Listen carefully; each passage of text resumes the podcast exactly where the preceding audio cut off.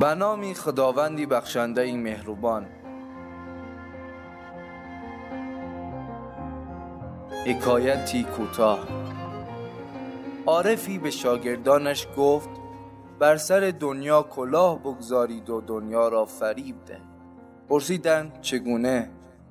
فرمود نان دنیا را بخورید. ولی برای آخرت کار کنید